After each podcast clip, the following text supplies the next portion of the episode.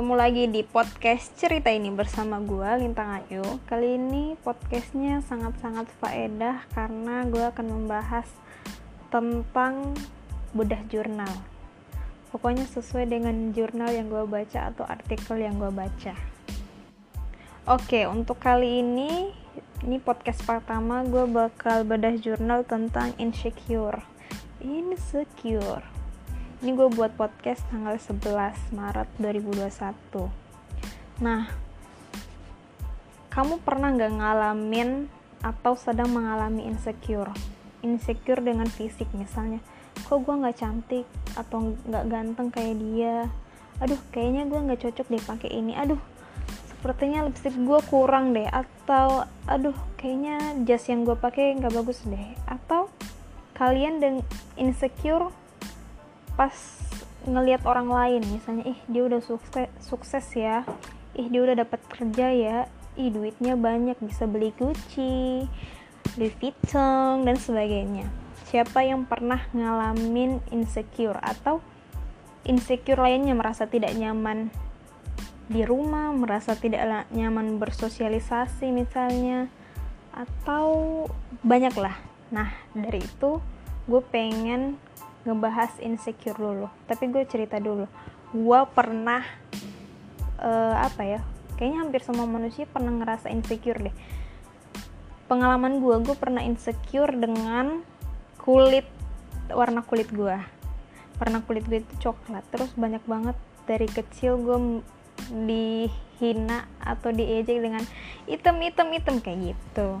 Dari apa ya itu dari bully itu membuat gue kayak tidak pede tidak nyaman tidak pokoknya apa ya merasa tidak tidak pantas dengan orang lain merasa kayak ih kayaknya gue nggak cocok deh pakai baju ini karena kulit gue warna hitam kayaknya baju warna kuning nggak cocok deh untuk warna kulit hitam kayak gitu. Gue pernah merasa insecure kayak gitu. Ataupun gue pernah ngerasa insecure dengan wajah gue wajah gue yang super jutek ini padahal gue biasa aja sih mukanya.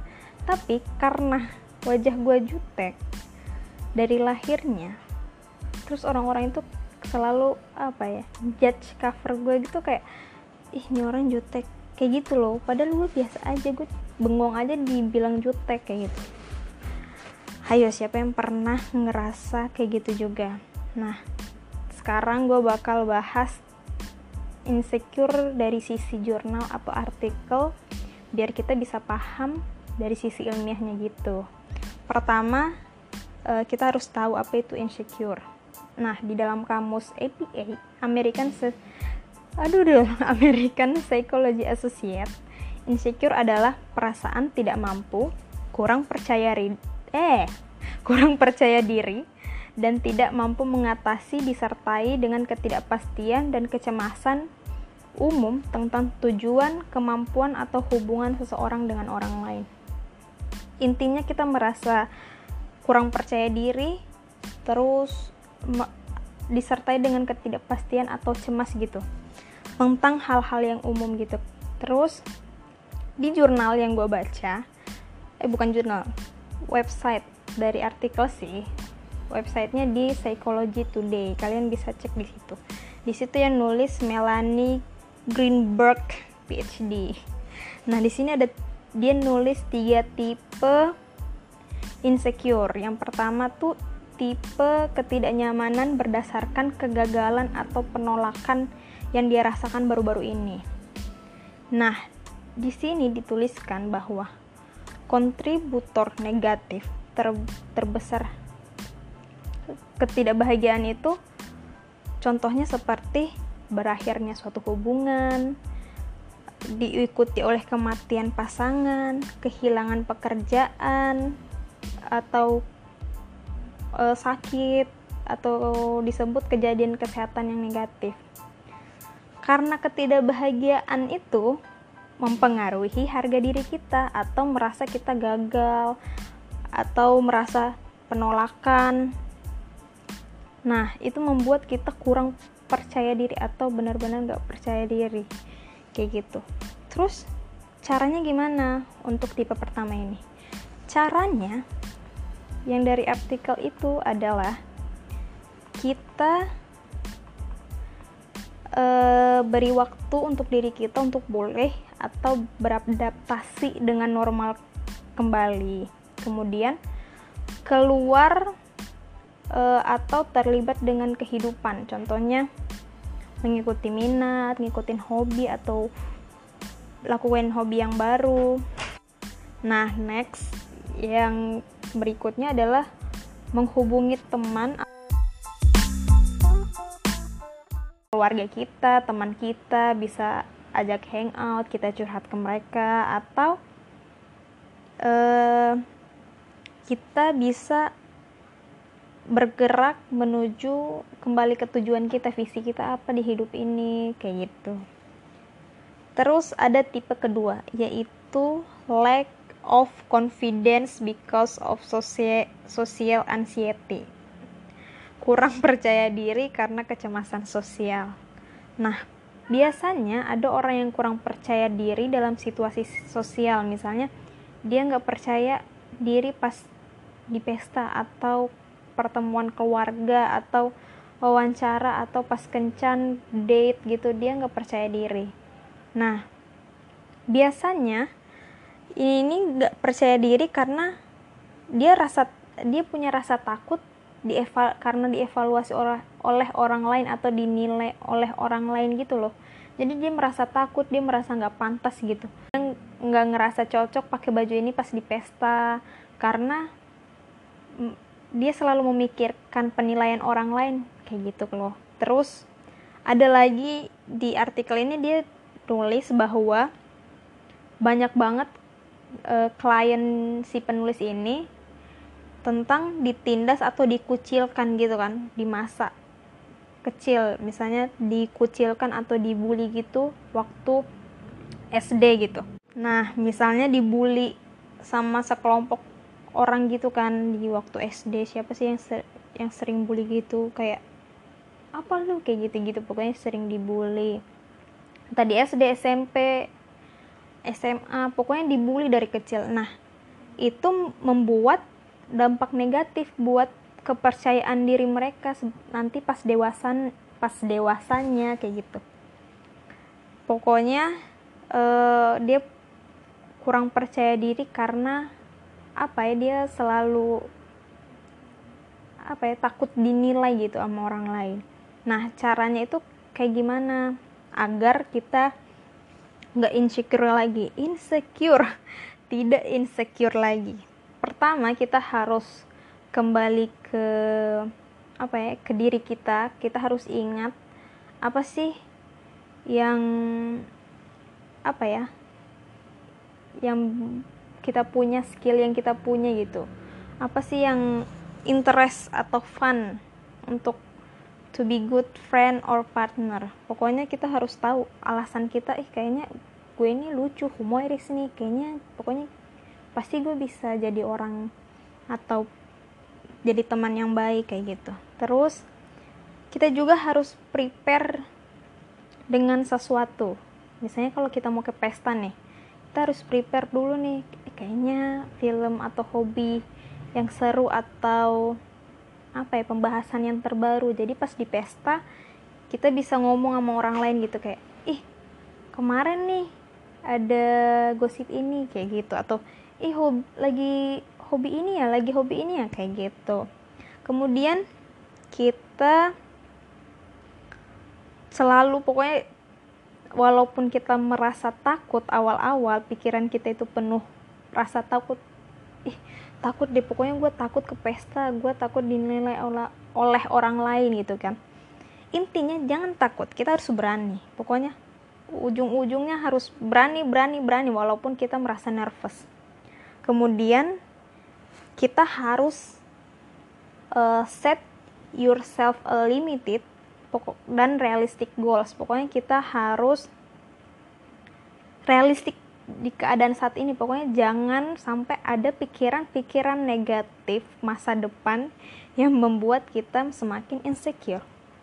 Pokoknya jangan sampai ada itu. Jadi kita harus mencoba. Misalnya awalnya kan kita merasa takut karena dinilai oleh orang lain. Padahal kan itu hanya pikiran kita. Bisa saja mereka nggak mikirin itu kan? Jadi awalnya kalau misalnya kita di pesta kita pokoknya harus pede percaya diri terus kita harus ngajak ngobrol orang itu. Pokoknya kita harus realistik ini orang yang gue temuin di pesta ini. Gue tidak menilai dan dia pun tidak menilai gue secara fisik. Jadi kita harus ngobrol baik kayak gitu.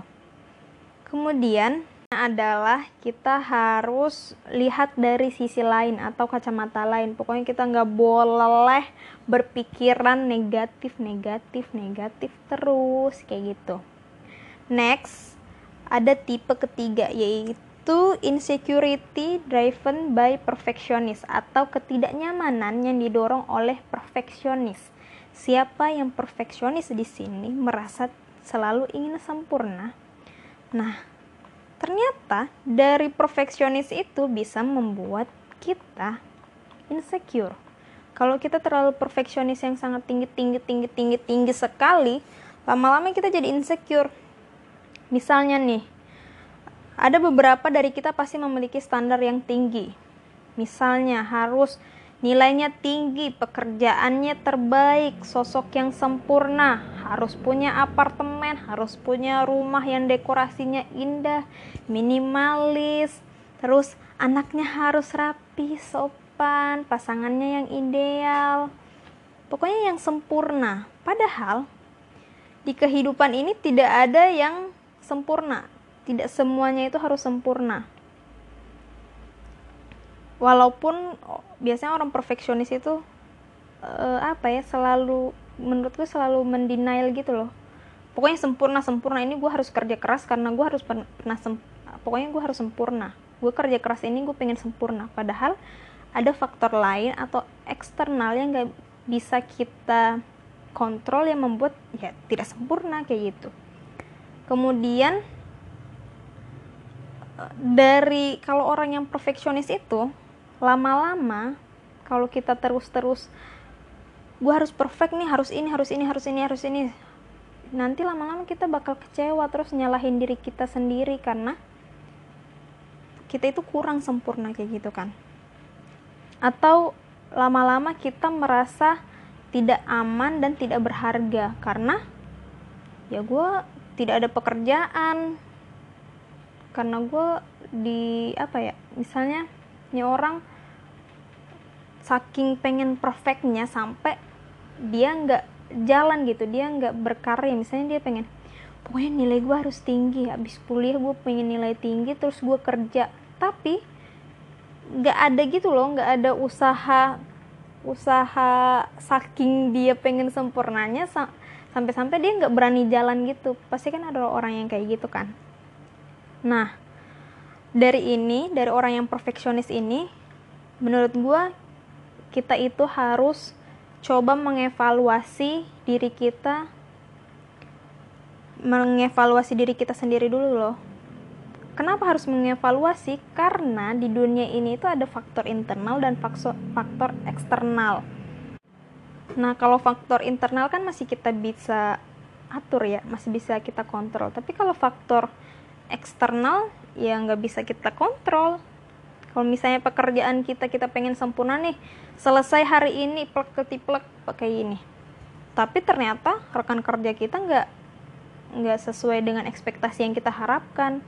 Jadi kita lama-lama frustasi merasa ih kenapa sih dia uh, kerjanya nggak baik kayak gini? Lama-lama kita merasa tidak nyaman merasa cemas merasa marah berkoar-koar kayak gitu kan.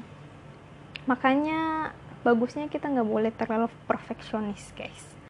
Kemudian caranya gimana? Intinya kita harus ingat ada faktor eksternal yang nggak bisa kita kontrol. Terus tips keduanya adalah kita harus ngelihat pekerjaan kita ini udah lebih baik belum dari pekerjaan sebelumnya kayak gitu. Kita harus apa ya harus kan ada orang sangat perfect banget tuh sampai uh, misalnya dia lagi ngerjain sesuatu buat makalah tuh sampai dilihat berkali-kali gitu kan. Padahal bisa hanya dua tiga kali nggak nggak harus sampai 10 kali 15 kali. Nah kalau kita sampai berkali 15 kali kita baca makalah itu lama-lama kita bakal apa ya frustasi. Terus kita harusnya mikir wah dari tadi gue ngabisin waktu gue hanya buat ngeperfekin ini nih apa sih makalah. Padahal ini udah deadline misalnya kayak gitu. Intinya kita nggak boleh terlalu perfect. Pokoknya kita harus mikir di hidup ini pasti bakal ada kegagalan yang kita yang bakal kita rasakan kayak gitu. Pokoknya intinya jangan perfect perfect banget. Terus ini nih yang paling tips yang paling gue apa ya nyes banget adalah kita harus ini kan nih perfeksionis sering kali memiliki harga diri bersyarat mereka menyukai diri saat berada di puncak dan tidak menyukai diri sendiri saat segala sesuatu tidak berjalan dengan sesuai keinginan mereka. Nah, biasanya kan orang perfeksionis itu kan e, mereka selalu mengharapkan nilai orang lain gitu kan. Selalu apa ya, pengen mendapatkan nilai apa ya, pengen mendapatkan penilaian yang bagus dari orang lain. Nah, di sini ada eh, kata-kata yang sangat nyes. Bisakah Anda belajar menyukai diri sendiri bahkan ketika Anda tidak melakukannya dengan baik? Fokus pada kualitas sebatin seperti karakter Anda, ketulusan, atau nilai-nilai yang baik daripada hanya pada nilai apa yang Anda dapatkan atau seberapa banyak Anda dibayar atau berapa banyak orang yang menyukai Anda. Kayak gitu loh. Jadi kita intinya coba ke kembali ke diri kita gitu loh kita pokoknya harus menyukai diri kita sendiri ketika kita senang ketika kita lagi di puncak-puncaknya tapi kita juga harus menyukai diri kita sendiri ketika kita tidak baik atau tidak sejalan dengan tujuan kita. Intinya kayak gitu guys. Ini hanya artikel insecure yang apa ya secara umum. Tadi gue nemu artikel insecure terhadap pasangan sendiri. Pokoknya terhadap apa ya dua orang gitu loh. Tapi nanti gue bahas kembali lagi. Karena podcast kali ini sangat berharga dan kalian tertarik untuk baca jurnal atau baca artikel-artikel biar sesuatu yang di pikiran kita yang kita bertanya-tanya kita insecure kita ini kita ini atau kenapa banyak bullying kenapa banyak ini. Nah kita bisa cari secara ilmiah di internet. Tanyain kepada Mbah Google kayak gitu. Sekian podcast kali ini. Thank you